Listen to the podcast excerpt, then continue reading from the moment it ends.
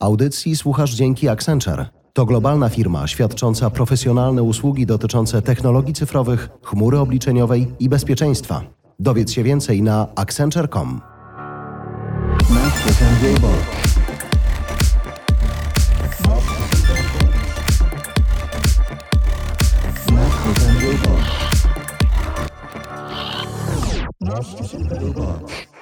Spotyka się przy jednym stole w Voice House dwoje uzależnionych ludzi od social mediów, czy tylko jedna? Czworo. Jednak. No, goście za chwilę dołączą, ale ja się do tego chyba już parę razy przyznałem i nie zawaham się zrobić tego kolejny raz, żeby być uczciwym wobec słuchaczy i gości. Od czasów zawodowych, kiedy musiałem być na Twitterze właściwie co chwilę, to ja już w tym tempie jestem cały czas i to jest bardzo wciągające. Natomiast dzisiaj porozmawiamy o tym, jak sprawić, żeby nie było zbyt wciągające dla ludzi, którzy nie rozumieją zagrożeń. Myślę, że nie jesteśmy tutaj i nie będziemy za chwilę w tym czteroosobowym gronie reprezentatywną grupą, bo mamy ogromną świadomość odpowiedzialności za siebie, ale też mam wrażenie, że ogromnej odpowiedzialności za rodziny, za nasze dzieci przede wszystkim i ich rozwój. Jak powiedziała nasza wspólna przyjaciółka, nasze zdjęcia kompromitujące z imprez zginęły podczas przeprowadzki. Nasze dzieciaki będą borykały się z tym przez całe życie, że te zdjęcia nigdy nie znikną. Jak przygotować ich do takiej przyszłości? O tym też dzisiaj trochę pogadamy. To prawda, szczególnie, że i tutaj nikt nie żartuje, mówiąc, że jeżeli już wejdziesz do internetu, to tam po prostu zostaniesz.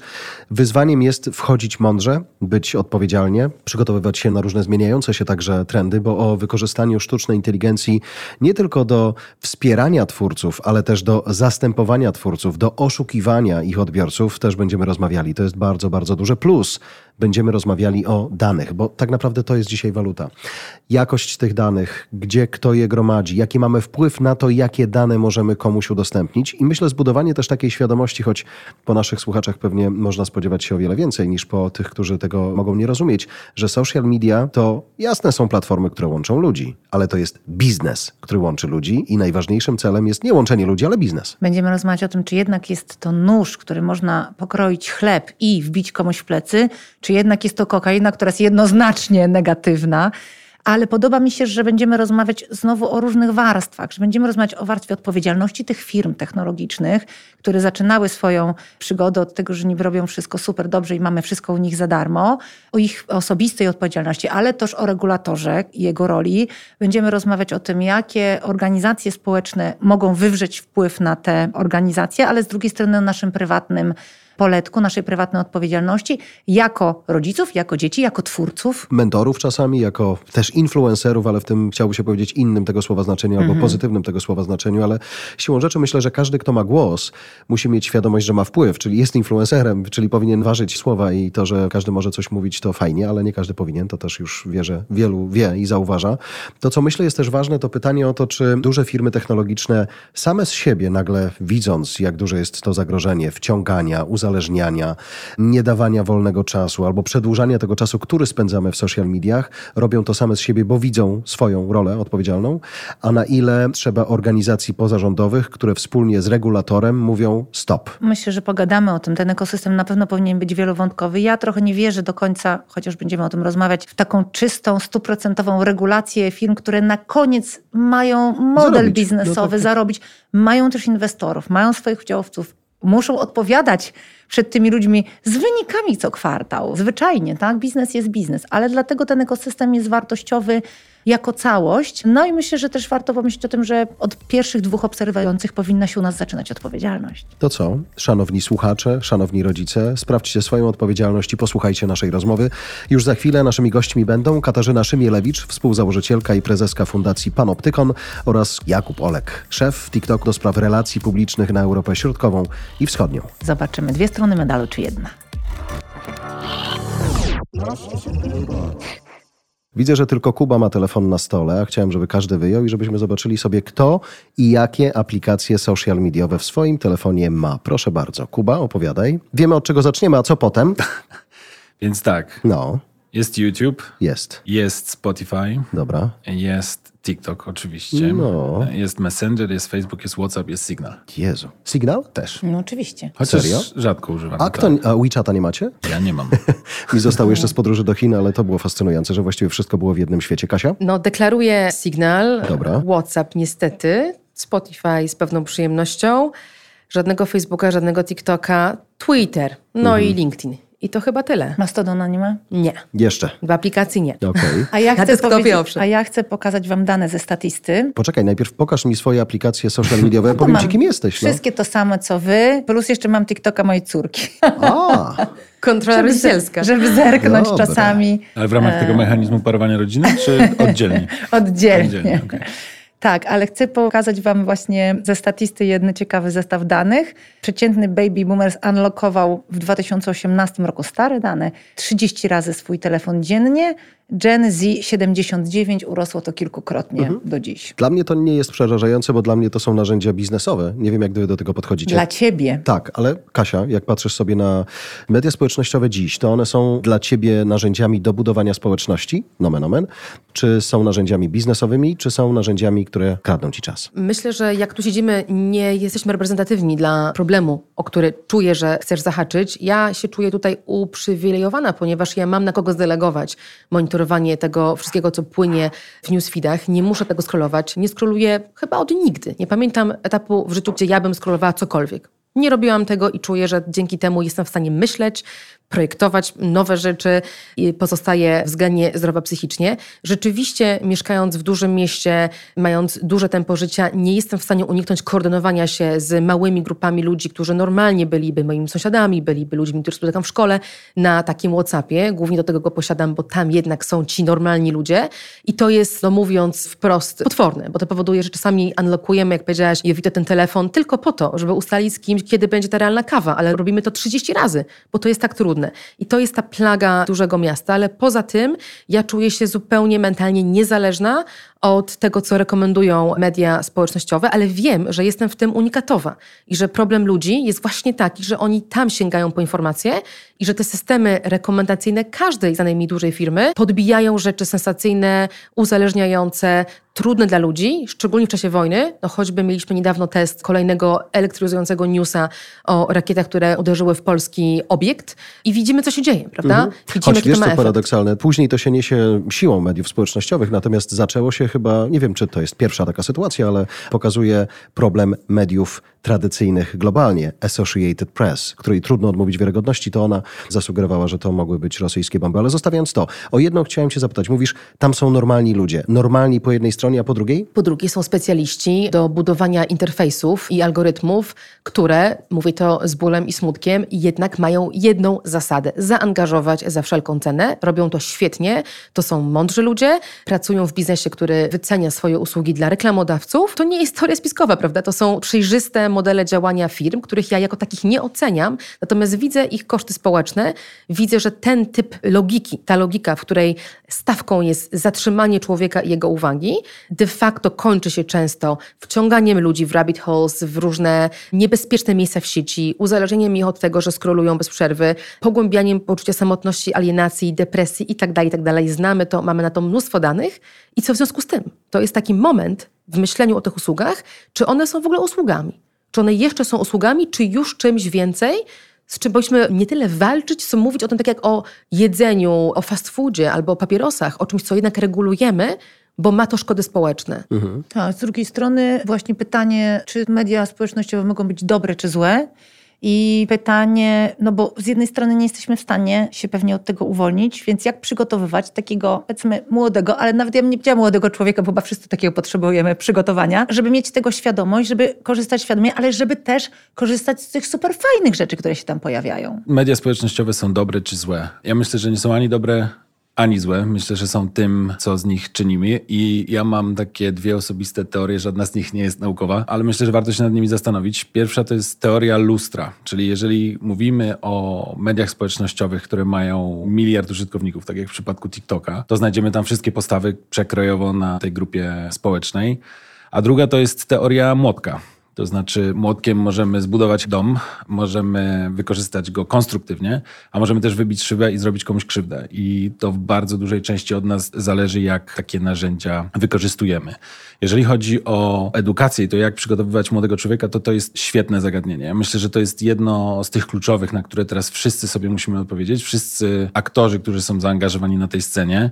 Ja siebie postrzegam w takich dwóch rolach. Pierwsze jako pracownika platformy technologicznej, gdzie naszym obowiązkiem jest zapewnienie bezpieczeństwa młodszym użytkownikom, a drugiej też jako rodzica, czy wujka i tak dalej, bo funkcjonujemy w różnych rolach. I tu rzeczywiście trzeba zastanowić się i zdać sobie sprawę z tego, że każdy z nas odgrywa jakąś rolę i każdy ma do odegrania jakąś. To nie jest tylko rola platform technologicznych, jest i my przyjmujemy tę odpowiedzialność i nad tym pracujemy, ale także edukatorów, szkół, czy właśnie w tych jakichś tam prostych, najprostszych, podstawowych komórkach społecznych, jak rodzina na przykład. Kuba, do tego, że trzeba tych ludzi edukować, żeby nie wpadli w to rabbit hole, na przykład, o którym mówi Kasia, doszliście teraz, czy to jest wpisane w model biznesowy, także w policy, jakie przyjęliście na początku firmy? Mhm. Czy nagle skala sprawiła, że wow, skutki są różne, to zacznijmy coś z tym robić? TikTok jest platformą 2.0, jest nową. Jak sobie popatrzymy na historię platform technologicznych wcześniejszych, i myślę, że Kasia się też ze mną zgodzi, to jakby tym zagadnieniem safety, trust and safety.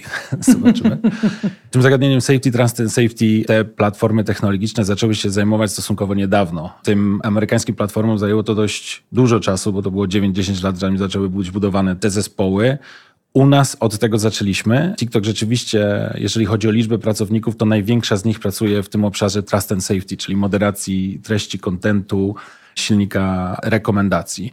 To jest z jednej strony dla nas szansa, żeby od tego zacząć, a z drugiej strony olbrzymie zagrożenie, no bo rzeczywiście jest tak, że te problemy są dziś bardzo widoczne. Kasia? Z tym młotkiem muszę polemizować. Możemy myśleć o mediach społecznościowych jako o warstwowej strukturze, w której na dole są dane, które tam wrzucamy. Zgoda. Te dane są bardzo różne. Od wartościowych, na TikToku również przecież są dziennikarze, są twórcy rzetelni, merytoryczni, edukujący i jest wszystko inne, prawda? I teraz jeżeli tak podejdziemy, powiedziemy sobie, no przecież to sami sobie robimy. To my tam wrzucamy te rzeczy, a dalej dzieje się to, co się dzieje.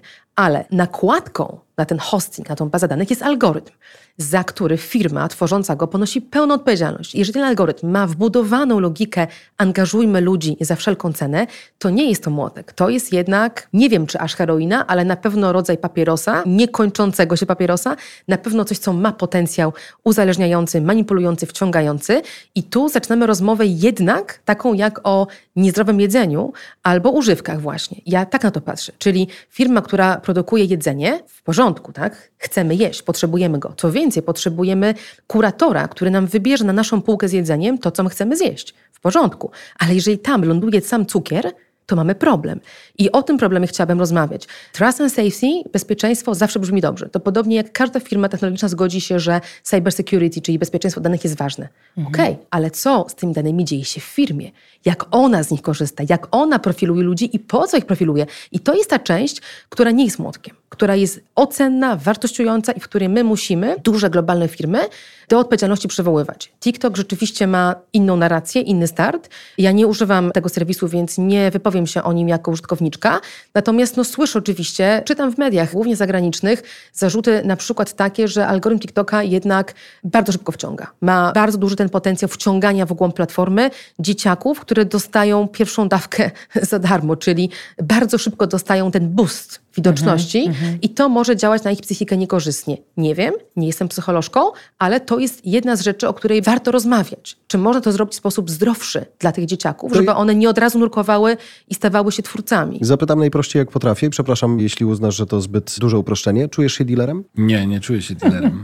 czuję się bardziej strażnikiem. Jest tak, że sam jestem ojcem dzieci, które jeszcze wchodzą w ten wiek cyfrowy, jeszcze go nie osiągnęły, ale cały czas sobie zadaję pytanie, co mogę robić więcej właśnie, żeby w tym momencie, kiedy one one już osiągną ten wiek, żeby jednak czuły się bezpiecznie na tych platformach. I to rzeczywiście jest konik TikToka. Podam wam taki przykład. Platformy technologiczne generalnie uznają taką cezurę wieku 13 lat za to, od kiedy można korzystać z serwisów społecznościowych. Natomiast w górę to już tych żadnych przedziałów i różnic więcej nie ma. I teraz tu na przykład my odnajdujemy te różnice, gdzie dzielimy te osoby w zależności na wiek od 13 do 15 roku życia i od 15 do 17, ponieważ wypracowaliśmy to wspólnie z ekspertami i ekspertami uniwersyteckimi, dotyczące tego, że jednak w tym przedziale wiekowym ten rozwój... jest bardziej chłodna, No właśnie, ten mm. rozwój tego człowieka wygląda inaczej. Teraz, w momencie, kiedy logujesz się na TikToka i masz 13 lat, to twoje konto jest z automatu prywatne, w ustawieniach prywatnych i... Możesz odłączyć? W nie, sensie właśnie, wyłączyć, właśnie nie. nie. No właśnie, teraz to jest ciekawe, bo teraz jeżeli mamy komentarze znajomych, to od 13 do 15 roku życia nie można tych komentarzy zamieszczać. Od 15 do 17 roku życia możesz zdecydować, czy chcesz to zostawić tak, żeby nie dostawać komentarzy, albo dostawać komentarze tylko od swoich znajomych. Nie ma możliwości przesyłania załączników audio-wideo, tak żeby właśnie na przykład Nie zescreenować na przykład tego, co raz, się dzieje. dwa, żeby nie wspierać groomingu, sextingu i, i tak dalej. Jest mechanizm parowania rodziny, więc jakby A czy jest może koniec scrollowania? To mnie zawsze interesuje. jest możliwość zarządzania czasem ekranowym. Tak, w ramach mechanizmu parowania rodziny swojemu młodemu człowiekowi w domu możesz określić czas spędzany na platformie razem z określonymi rodzajami treści na poziomie hashtagu. Czyli nie ingerujesz w prywatność, ale tworzysz taką ramę, w ramach której ten młody człowiek może się poruszać. No właśnie, to jest dla mnie ciekawy wątek, bo TikTok jest dla mnie głównie platformą, na której jestem z moją córką, dwunastoletnią i my mamy... Ale co, nagrywacie coś razem? Bo Nie. moja mnie też namawia do tego, na szczęście nie publikujemy Nie, nie, tańców. Jagoda nie jest zainteresowana nagrywaniem, natomiast jest zainteresowana wspólnym oglądaniem różnych rzeczy Aha, ze mną, tak? Czy jakichś tam memicznych rzeczy, o których sobie potem dyskutujemy. Ja miałam taki okres, kiedy jej rzeczywiście włożyłam te wszystkie ramy na wszystkie media społecznościowe i przedyskutowałyśmy, moja córka, oczywiście każde dziecko jest trochę inne, moja jest bardzo wolnościowa. I mówi, mamo, zdejmij mi te wszystkie blokady, dogadajmy się i ja będę tego sama przestrzegać. Słuchajcie, to naprawdę dosyć fajnie działa, ale jesteśmy tam razem często. Znaczy, bywają takie rzeczy, których ona nie widzi, że są złe, a już dla mnie są. Więc ja bym zeszła, bo tak super, że mówicie o tym, jest poziom odpowiedzialności organizacji, tak? Pamiętacie, że jak się platformy społecznościowe, w ogóle big techy stworzyły, to miały takie hasła typu don't be evil i tak dalej, co dzisiaj nas zdejmuje pusty śmiech z tego powodu, prawda? No ale jest jakaś tam rzeczywiście no, presja społeczna i próby ograniczania, ale wydaje mi się, że bardzo ważna jest też ta warstwa rodzicielska, rodzina, bo w ten sposób też jakby dokładamy ten element takiej pracy. Większość rodziców w ogóle w życiu nie była na TikToku, nie? a dzieci są po 4 godziny dziennie. Z wystąpienia Iana B. Crafta, futurysty, eksperta do spraw mediów syntetycznych na konferencji Masters and Robots 2022. Nasz system oświaty jest takim reliktem epoki przemysłowej. A teraz nasze społeczeństwo przecież rozwija się w tempie wykładniczym, więc powinniśmy pracować nad rozwojem dotychczasowych narzędzi. Tworzyć nowe prototypy i więcej eksperymentować. To teraz ważniejsze niż kiedykolwiek wcześniej. もしかするとロボ Ostatnio, kiedy rozmawialiśmy w tym studiu o e-sporcie, pojawił się taki wątek, który pokazuje, że nie tylko, jakby zgadzam się z Tobą, Kasia, że ta odpowiedzialność spoczywa na wszystkich. Tak samo jak możemy mieć pretensje do szkoły, no ale do siebie też jako rodzice. Dokładnie. Możemy mieć pretensje do social mediów, ale do siebie też. Ja szukam cały czas języka, jak ze swoją córką na przykład rozmawiać o tym i to jest fascynujące, że kiedy mm, właśnie bawimy się na tym TikToku, dla niej to połączenie muzyki i tego, że ona może pokazać jak tańczy, ale znów nie idziemy w ogóle z tym dalej. To zostaje w rolce aparatu, nie idzie dalej. Natomiast dyskusja o przyszłości, no to dobra, chcę być youtuberką. Okej, standardowa odpowiedź. Ale kiedy ja umiem ją zapytać o to, kto to jest, co on robi, z czego on żyje, co chciałabyś pokazywać. I nawet jak patrzę sobie na jej idoli dzisiaj i zadaję jej pytanie, dlaczego kupujesz błyszczyk dziewczyny, która w ogóle nie ma związku z przemysłem kosmetycznym. Ona nie wie, co tam trzeba wlać. Kogo ona o to zapytała?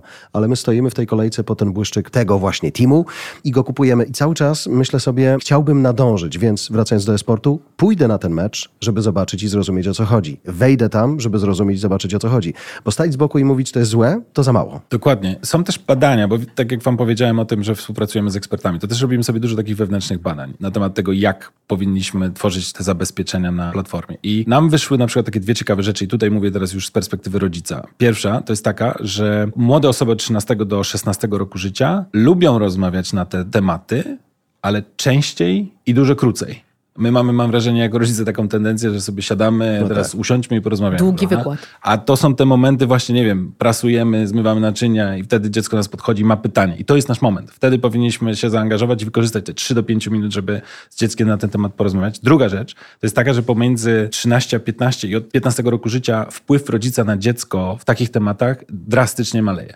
Więc Czyli ich influencerzy, czy ich idole są w zupełnie innym przejmują wtedy, Właśnie. tak, dokładnie. Pytanie, czy w takim razie stawiając na edukację, można liczyć na rodziców, ale nawet jeżeli wiemy jako rodzice, że nasze możliwości są ograniczone z uwagi na choćby na to, co powiedziałeś, od 15 roku życia dzieciaki mają zupełnie inne autorytety. Może przez chwilę, może na dłużej.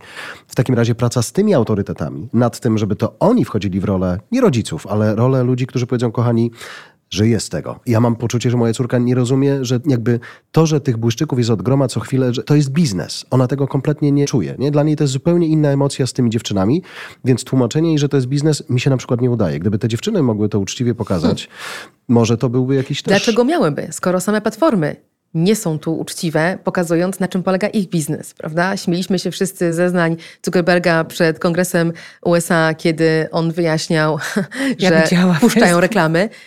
Ale to nie jest śmieszne. Aha. To naprawdę intuicyjnie tak nie jest odbierane. Oni długo, skutecznie wkręcali całemu światu, że oni tutaj pośredniczą niemalże pro bono wymianie informacji dla całego świata i tworzeniu społeczności a gdzie jest ich model biznesowy. I mi zależy, żeby również ta część rozmowy była na wierzchu, żeby platformy same mówiły, słuchajcie, zarabiamy na tym i na tym. W związku z tym pokazujemy wam reklamy. Chcesz mieć ich mniej, chcesz mieć inne, obawiasz się wpływu tych reklam na siebie.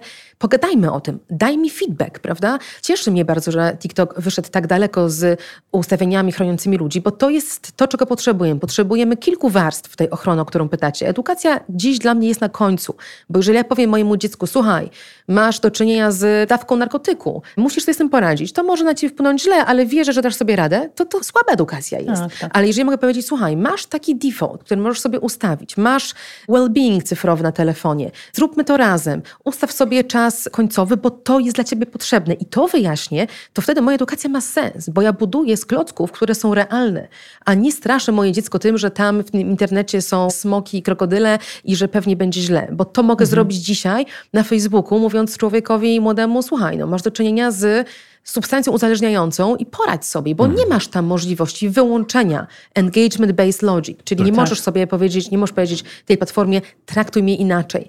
My to badaliśmy wielokrotnie w panoptykonie. Badaliśmy na ile człowiek może wyrwać się z pętli treści, które go odpalają w sposób negatywny, na przykład wciągają w jakieś lękowe rzeczy. Nie da się tego zrobić. Ja mogę dawać wiedzę na swój temat, mogę mówić, to mnie nie interesuje i Facebook będzie za to wdzięczny, bo to jest informacja, mhm. ale nie mam możliwości przerwania tej pętli. Tak. I to są te momenty, w których edukacja nie wystarcza. Musimy mówić o takim safe default, o takiej ochronie, która jest uruchamiana przez platformy tam, gdzie serwują toksyczne rzeczy albo gdzie sam model ich działania jest niebezpieczny.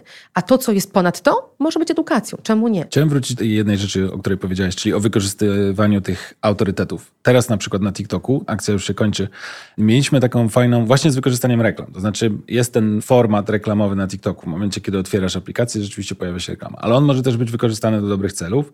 To, co zrobiliśmy teraz z Fundacją Martyny Wojciechowskiej UNAUZ, gdzie wspólnie badamy kondycję psychiczną młodych osób w polskich szkołach. Ta treść, która z tego powstanie, no to zostanie oczywiście przekuta na jakieś rozwiązania i też przekazana na przykład rządzącym.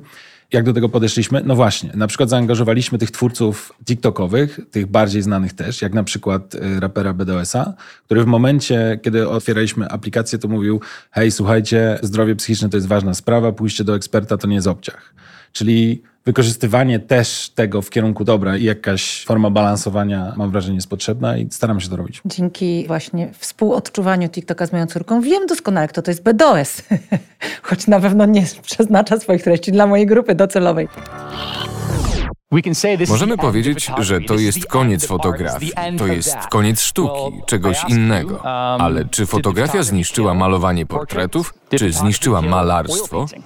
Czy kalkulator wytępił matematyków? No chyba nie. Ułatwił im pracę w ogromnym stopniu, odjął im ciężar skomplikowanych obliczeń, ale wciąż to ludzie rozwiązują problemy. To ludzie myślą o strategiach o tym, jak zrobić coś, co wymaga myślenia kreatywnego. Część tej pracy będzie wykonywana za nas, ale to nie zniszczy samego procesu, tylko go usprawni. Ciekawy wątek jest taki, że są pato-influencerzy i influencerzy. Mam wrażenie, że wielu influencerów jest również pato, choć się tak na nich nie mówi. Przed nami, bo ten podcast jest jednak o przyszłości w pewnym sensie, przed nami też influencerzy syntetyczni. Będzie gorzej czy lepiej? Hm, to chyba zależy od tego, jak sobie zaprojektujemy ten algorytm, który będzie kreował treści, czyli tę niesławną, obiecującą, groźną, jak to woli sztuczną inteligencję, która przecież jest produktem człowieka, w tym sensie, że to człowiek ją projektuje i wymyśla. Jeżeli puścimy ją wolno w stronę no, rozwoju nienadzorowanego, myślę, że pato, bo myślę, że powtarzanie wzorców, które dziś są w internecie, doprowadzi nas do tego, że będzie to engagement-based logic do sześcianu, czyli to coś będzie starało się zarobić pieniądze, tak sobie wyobrażam, na modelu, który dzisiaj rządzi internetem, a więc takiej łatwiej, szybkiej konsumpcji i równania w dół. Ale przecież możemy zrobić inny krok. Możemy powiedzieć, hej AI, spróbuj nam odsiać treści jakościowe, spróbuj je podbijać, skoro ludzie sobie z tym nie radzą, bo mają te swoje schematy gadziego mózgu, które mówią uciekaj albo walcz, postujemy, podajemy dalej, lajkujemy, hejtujemy treści sensacyjne, to jest część naszej natury, niestety, a to coś syntetyczne może zrobić inaczej. Więc widziałabym w tym i szansę, i zagrożenie, ale rolę dla projektujących to przede wszystkim. To jest ciekawe. To znaczy, mi się wydaje, że ciężko jest określić tego, w którą stronę to pójdzie. Ja mam nadzieję na dwie rzeczy. Po pierwsze, że znajdujemy się w takim miejscu dyskusji wspólnie z, właśnie ze wszystkimi aktorami społecznymi, jak rządzący, regulatorzy, platformy technologiczne, że jednak to będzie środowisko bardziej bezpieczne. A drugie, moje osobiste pragnienie to jest takie, że pójdziemy w stronę treści różnorodnych, ale autentycznych i kreatywnych. To mam nadzieję, że jakby ta syntetyka troszeczkę mniej jest dla mnie interesująca i e, Siłą rzeczy AI odtwarza, prawda? Znaczy może być kreatywna i może zrobić swoje. I widziałem super rzeczy. Nawet sami mamy przygotowane przez AI okładki audycji poświęconej w ogóle sztucznej inteligencji, ale na te potrzeby to było idealne. Ale wiecie o czym myślę w kontekście nie TikToka, ale Twittera teraz, całego zamieszania, który się pojawił, że wielu z nas uświadomiło sobie, że to jest biznes. Przychodzi nowy szef i mówi, słuchajcie, Ma inne cele. ja mam zupełnie inne cele. Ja zapłaciłem za to, przepłaciłem za to i teraz ja zrobię to inaczej. Mój bank I na to to wszyscy zapłaci. ludzie mówią, ale stary, to jest moje. Konto jest twoje, natomiast to jest mój biznes. Ja na tym, akurat w przypadku Twittera model biznesowy jest słaby versus inne platformy, ale wiele osób pomyślało sobie, ej, oddaj mi moje zabawki. Nie chcę się mądrzyć, ale wychodząc z takiego założenia, że to są narzędzia do relacji biznesowych bardziej niż prywatnych, czuję się trochę spokojniejszy, bo jakby wiem, że ci ludzie, jakby oni mają to po to, żeby na tym zarabiać pieniądze. To mnie nie zwalnia z obowiązku, żeby edukować, to mnie nie zwalnia z obowiązku, żeby nie myśleć, ale jednocześnie wiem, że tak to działa i pewnie gdybym ja był szefem takiej platformy, robiłbym wszystko, żeby pewnie bardziej mniej odpowiedzialnie, ale też zarabiać pieniądze, a nie je tam tracić. No. Ciekawe, że akcja zawsze tworzy reakcję. To jest jakaś obietnica. W trendach na 2022-2023 zaczęły się pojawiać grupy startupów, które się pojawiają w takim obszarze AI Auditors. Czyli, że zaczynamy już mieć narzędzia, które audytują działania sztucznej inteligencji, która podlega wielu różnym biasom, prawda? Oprócz tego, że rzeczywiście, tak jak mówisz Kasia, zaciąga najgorsze przyzwyczajenia ludzkie i jeszcze je duplikuje, bo ma szerszy dostęp do danych i lepiej wnioskuje, ale też jest cała masa różnych innych ograniczeń sztucznej inteligencji, gdzie już jest taka fajna nakładka, która się pojawia. Ograniczeń albo szans, bo tak naprawdę sami chcemy przetestować tutaj właśnie w Voice House model wykorzystania sztucznej inteligencji audio. Jeżeli ja napiszę, nie wiem, dwuminutowego briefa o ostatnich godzinach na wojnie w Ukrainie. Ja jestem autorem tego tekstu. Mój głos AI już zna. Ja nie muszę siadać codziennie do mikrofonu, żeby AI to przeczytała. W Stanach Zjednoczonych, nie chcę podawać z nazwy teraz, bo nie wiem, czy oni to już wypuścili dalej w świat, jeżeli pojawia się breaking news, pilna depesza, to ona jest zamieniana na czasem najkrótszy podcast świata. To jest breaking news 15 sekund przeczytane przez sztuczną inteligencję. Nikt nawet tego nie dotyka, nikt nie musi tego posprodukować, więc są i dobre rzeczy, ludzie są poinformowani, choć wiadomo, że ta treść musi być dobrze przygotowana, więc to jest myślę ten case młotka też, nie? że To jest świetny przykład tego, do czego możemy posadzić, zatrudnić technologię, czyli zadania odtwórcze, schematyczne, takie jak reprodukcja głosu, mowy, czytanie tekstu, tłumaczenie, gdzie człowiek nie jest niezbędny, podobnie jak te słynne skanowanie z medycznych kontekstów, przykład dobrze znany. Skanujemy ludzkie ciało i to robi AI lepiej, ale już ocena tego skanu musi być u człowieka, podobnie ze sztuką. Wydaje mi się, że fajnie się bawić taką zabawką technologiczną, która nam przerobi dane na obraz albo odwrotnie, Tak. ale to jest artystę rolą, żeby to opowiedzieć i opakować. Myślę, że maszyny nie odbiorą nam miejsc pracy, jeśli chodzi o stanowiska takie jak projektant czy artysta. Maszyny tak naprawdę wykonują wiele tej powtarzalnej pracy za nas, tej, która jest najniżej wyceniana. Dla większości z nas tworzenie materiałów wideo wysokiej jakości jest poza naszym zakresem umiejętności. Tego się trzeba uczyć latami. Narzędzia do tego są trudne i używanie ich nie jest tak intuicyjne, ale technologia może to zrobić za nas. Ale jeszcze wracając na chwilę do platform i do firm i do biznesu, jaki za tym stoi i będzie stał, ciekawą ścieżką rozwoju na przyszłość dla mnie jest rozwarstwienie tych ekosystemów w taki sposób, żeby na takiego Twittera czy Facebooka, czy nawet kiedyś TikToka, mógł wejść inny model biznesowy. Czyli mamy ten nasz hosting, tą bazę danych, w której jest wszystko. Mamy tych ludzi, którzy są po to podpięci i mamy konkurencję podejść do tych ludzi. Czyli jeden Elon Musk mówi, dobrze, ja teraz zarobię na takim celu, tak go zdefiniuję, mhm. ale influencerzy, którzy tam pracują również mówią, ale nie, to dla mnie nie działa, bo ja jestem medium jakościowym, chcę inny algorytm. No i teraz rozmawiamy. Może jest startup, który przychodzi i mówi, dobrze, zapłać mi, influencerze, za inny algorytm, który ja ci wytrenuję, który podepniemy sobie pod owego Twittera, Facebooka, TikToka, który zrobi coś innego. To nie musi być za darmo, mhm. to nie musi być kosztem platformy. To jest budowanie kolejnych interfejsów na bazie tej naszej bazy danych i tej grupy ludzi, która tam siedzi, po to też, żeby mitygować pewne ryzyka, tak? Załóżmy, że mamy te dzieciaki i że dla nich mamy inny algorytm, co rozumiem trochę na TikToku się już dzieje.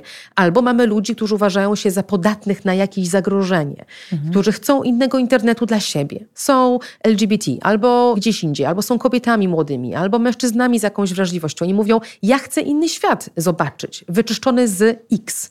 I ten X może nam wyczyścić nasz algorytm, który wytrenujemy na tych samych danych. Tego typu koncepcja już się przyjmuje w Europie. My nad nią dużo pracujemy w naszej sieci organizacji społecznych i to nie jest problem biznesowy, to jest problem polityczny, żeby mhm. przewalczyć tę otwartość i powiedzieć, hej, to nie jest czarne albo białe, albo wychodzisz z TikToka, Facebooka, Twittera, albo zostajesz. Możemy o tym myśleć inaczej w nowy sposób. Choć myślę, Kuba, że jest wielu, którzy trzymają, może nie tyle trzymają kciuki, ale z podziwem mówią o algorytmie waszym, że choćby nie wiem, i to konkurencja jakby mówi, że to dlaczego, i wszystkie dane mówiące o tym, że tu pokonaliście YouTube'a w czasie spędzanym na, no z czegoś to się bierze. Mhm. To wynika z tego, że ten algorytm, ten mechanizm, w jaki sposób działa platforma... Rekomendacyjny, tak? Rekomendacyjny, tak? tak? Działa w oparciu o treści i o to, w jaki sposób interaguje się z treściami, a nie w oparciu o społeczność, którą zgromadziłeś wokół siebie. Tak jak, jak zatrzymałem się parę sekund, a nawet mniej niż parę sekund mm. dłużej przy czymś, to częściej tak, będę tak, tak, tak. Przy czym ten algorytm nie jest zbudowany w ten sposób, że cały czas dostaje się te same treści. Jest tak, że część tych treści jest zgodnie z tym, co określiłeś na początku w aplikacji, że ciebie interesuje. Część jest taka, że podobne treści innych użytkowników, które inne ciebie zainteresowały, plus dwa filmiki zazwyczaj w tej parce są przesyłane, które są kompletnie randomowe. Oj, to jest obiecujące. Wiesz co, jest, ale my, myśmy wczoraj... Wyjście z bańki. Tak. A propos baniek, wczoraj Ciągle żeśmy... rozmawiamy o tym.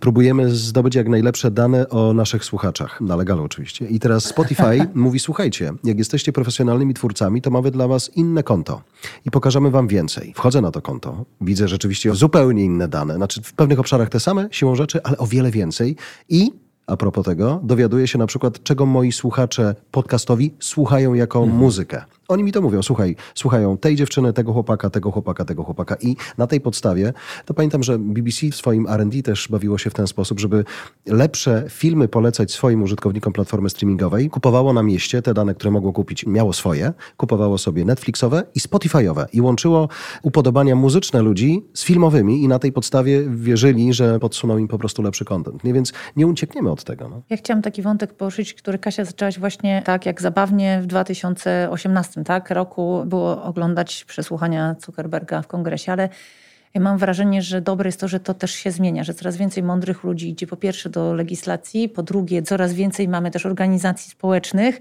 które te wątki generują. Jak myślicie, to się dzieje? Dzieje się. Ta debata jest coraz bardziej merytoryczna. Widać podejście Unii Europejskiej, która wypowiedziała w pewnym sensie wojnę tym starym platformom for good reasons. Tak? To znaczy, to nie była wojna bez przygotowania. Oni wcześniej próbowali korygować te najgorsze praktyki amerykańskich globalnych platform sprawami o ochronę konkurencji konsumenta. Takich spraw było wiele firmy je przegrywały i nie korygowały swoich zachowań. Więc teraz mamy nową regulację, która wynika z lekcji, jakie mamy z RODO, wynika z tych lekcji, jakie ma komisarz Vestager w swojej poprzedniej roli, gdzie była tą właśnie komisarz od ochrony konkurencji. No i co? I na koniec dnia Breton, który też był twarzą tej reformy, ogłasza sukces, mówi świetnie, udało nam się, pokonaliśmy. Ja mówię, sorry, nie. Ta mhm. regulacja jest nadal ogromnym kompromisem, jest pełna dziur, już nie będę się rozwijać, gdzie one dokładnie są, ale te najbardziej progresywne pomysły, w tym ten o rozwarstwieniu tych wielkich platform i wpuszczeniu tam innego modelu biznesowego, oczywiście upadły. Upadły, bo siła lobbingu z drugiej strony była siłą wodospadu. I to jest gra przejrzysta. Tutaj nikt się nie obraża, nie dziwi na reguły. Reguły tej gry są przejrzyste dla wszystkich, również dla nas, organizacji społecznych. My umiemy coraz więcej, umiemy o tym mówić coraz lepiej. Mamy propozycje bardzo dojrzałe, ma je Komisja Europejska, ale na koniec wiemy, kto tam siedzi, prawda? Jest parlament, w parlamencie są różni ludzie, na koniec głosują wszyscy, są rządy, różne rządy, które się zmieniają, mają różnych ekspertów i tak dalej, i tak dalej. Więc każda kiełbasa ma swój proces tworzenia i tam się trafiają różne rzeczy. I w tym sensie prawo jest skazane na gonienie tej technologii i na bycie kompromisem. Tak się tworzy prawo w Europie. Jest coraz lepiej, ale nie będzie nigdy tak dobrze, jak mogłoby być, gdyby same firmy korygowały swoje zachowania w oparciu o dane. I tutaj to jest bardzo ciekawy wątek, bo mówiłeś, Kuba, o danych. Ja na to bardzo czekam, ponieważ jednym z zwycięstw tej całej reformie jest to, że będą dane. Będą dane nie wyciekające przez sygnalistów, tak jak Francis Hogan mówiąc o Facebooku, tylko oceny ryzyka, które te wielkie firmy, wszystkie chyba TikTok też, będą musiały robić, tworzyć i w części udostępniać. I to będzie bardzo ciekawy materiał, bo tam dowiemy się na liczbach, czy zjawiska, które zgadujemy, że mają miejsce, mają miejsce. Na przykład, czy dzieciaki rzeczywiście spędzają za dużo czasu, czy nie. I będzie jak o tym rozmawiać na danych. Tak, tak, tak, tak. Jest też tak, że my wychodzimy troszeczkę naprzód tym oczekiwaniom, jak na przykład dzielenie się API z uniwersytetami, co się stanie całkiem szybko. Ja myślę, że generalnie zawsze tak jest, że jednak technologia wyprzedza regulatorów i te działania regulacyjne, ale ja myślę, że to się dzieje i że na pewno już pokonaliśmy parę znaczących milestone'ów w tej dyskusji, jak na przykład to, że jesteśmy już daleko po tym, gdzie platformy zaakceptowały swoją odpowiedzialność. To już, prawda? To prawda. bardzo długo byliśmy na takim etapie rozmowy, że było my tylko jesteśmy, tu jest platforma, tak. a co się tam dzieje? Pośrednikami jesteśmy. Mhm. Mhm. Choć patrząc po mediach w ogóle i dzisiaj po mediach tych, w których zaczynałem, nazywajmy je tradycyjnymi, chociaż one wszystkie przeszły transformację i są też go. Ale inną. Inną go, no tak. Ale one wszystkie dzisiaj, żeby móc zmienić swój model biznesowy, muszą powiedzieć po raz pierwszy swoim użytkownikom, jeśli chcesz, żeby nie było banerów, zapłać Mhm. I teraz nawet przyznają się do tego, że są najbardziej zabanerowaną platformą. Jeśli nie chcesz tego, zapłać. Różni ludzie sięgają do portfela po te pieniądze. To jest inna sprawa i tutaj też ta edukacja będzie inna. I znów, jeżeli klienci przychodzą i chcą zasięgu, choćbyśmy nie wiem jak bardzo liczyli na to, że wszyscy słuchacze i użytkownicy oczekują tylko i wyłącznie opery w sobotę o 20 w telewizji, nie. I to oni wpływają na to, że ten zasięg robi się właśnie tylko w momencie takiego, a nie innego tytułu i to się cholera nie chce zmienić przez lata całe. Bardzo chcę na koniec zadać to pytanie. Śmiało. Gdyby wszystkie platformy społecznościowe zniknęły dzisiaj, gdybyśmy mieli babą, to co by się stało? Musielibyśmy chyba wyjść przed nasze bloki, kamienice i domy i zacząć rozmawiać z sąsiadami, bo nie mielibyśmy specjalnie jak umówić się z kimkolwiek innym. A informacje bralibyśmy, no właśnie skąd, tak? Czy jeszcze jest papier, do którego można byłoby sięgnąć? Czy umielibyśmy chodzić sobie po internecie, wpisywać adresy? Czy ktoś jeszcze pamięta te adresy? To by było bardzo ciekawe. Myślę, że, ale zupełnie serio, myślę, że patrząc na klasę średnią, bogatszą, szczególnie w Ameryce, Dolnie Krzemowej na przykład, przecież ten exit widać. Przecież ludzie wychodzą do lasu, odcinają się, tworzą społeczności lokalne, tworzą społeczności prawdziwe. Chcą tak żyć, bo to jest łatwiejsze życie, przyjemniejsze życie, tylko no, trzeba mieć pieniądze. Więc to było... śpiewaliśmy z balkonów. No, dokładnie. No, to by było klasowe. Myślę, że w tym wielkim kataklizmie odcięcia Wygraliby ludzie bogaci, którzy umieliby sobie w tym poradzić i mieliby jakościowe życie, a przegraliby ci, którzy dzięki internetowi łączą się w społeczności zawodowe, są w stanie pracować zdalnie, są w stanie na Uberze jeździć, tak, są w stanie robić zakupy taniej i tak dalej. To myślę, że byłby potężny problem. Ja myślę, że byśmy sobie poradzili. Ja jestem zwolennikiem humanizmu, człowieczeństwa i zdolności no, adaptacyjnych. co by się stało? Natomiast myślę, że też trochę byśmy stracili. I tu podam wam dwa przykłady. Pierwszy to jest zjawisko pandemii, prawda? I jak bardzo wtedy media społecznościowe nam pomogły w takim rozładowywaniu stresu, byciu w kontakcie ze znajomymi, z rodziną, pracodawcą, pracownikiem. A drugim jest wojna w Ukrainie właśnie. Czy jeśli nie byłoby tych mediów społecznościowych, czy społeczeństwo ukraińskie dałoby radę zbudować taki kapitał społecznego poparcia? I to w dwójnasób. Myślę kapitał na świecie, że to się stała tak popkulturowa marka Ukraina i w ogóle te dziewczyny walczące, mężczyźni walczący. Konto twitterowe Ministerstwa Obrony Ukrainy to po prostu oficjalne. Robią sobie czasem super jaja z Rosjan, czasami pokazują zupełnie inne rzeczy. Zbudowanie tej narracji na zewnątrz, ale jednocześnie myślę trzymanie Ukraińców w takim postanowieniu, jak nie oddasz nam wszystkiego, to nie siadamy z tobą do stołu. Nie? I to tak naprawdę rzeczywiście to jest załatwione przez social media. Ta wojna jest dosłownie na wyciągnięcie ręki. Nie? A i bez YouTube'a czy bez TikToka, jakbyśmy się dowiedzieli, jak coś naprawić. Metodą prób i błędów. Nie? Naprawić Niestety, świat. naprawić świat. Tego myślę, się nie dowiemy. To trzeba sobie, myślę, mądrze poukładać. I tutaj, gdybyśmy mieli zrobić jakąś puentę bez edukacji, O zagrożeniach bez edukacji, o korzyściach także, bo nie ma tak, że ten świat jest tylko czarny albo tylko biały i rozłożenia sobie akcentów, rozłożenia sobie czasem ograniczeń, jeżeli nie da się inaczej, uświadomienia sobie tego, co może być na końcu i pokazanie kilka przykładów ludzi, którzy doszli do tego końca na przykład. To może być coś, co też myślę rolą mediów jest dzisiaj, pokazywanie tego i, już. Bardzo Wam dziękuję za spotkanie i rozmowę.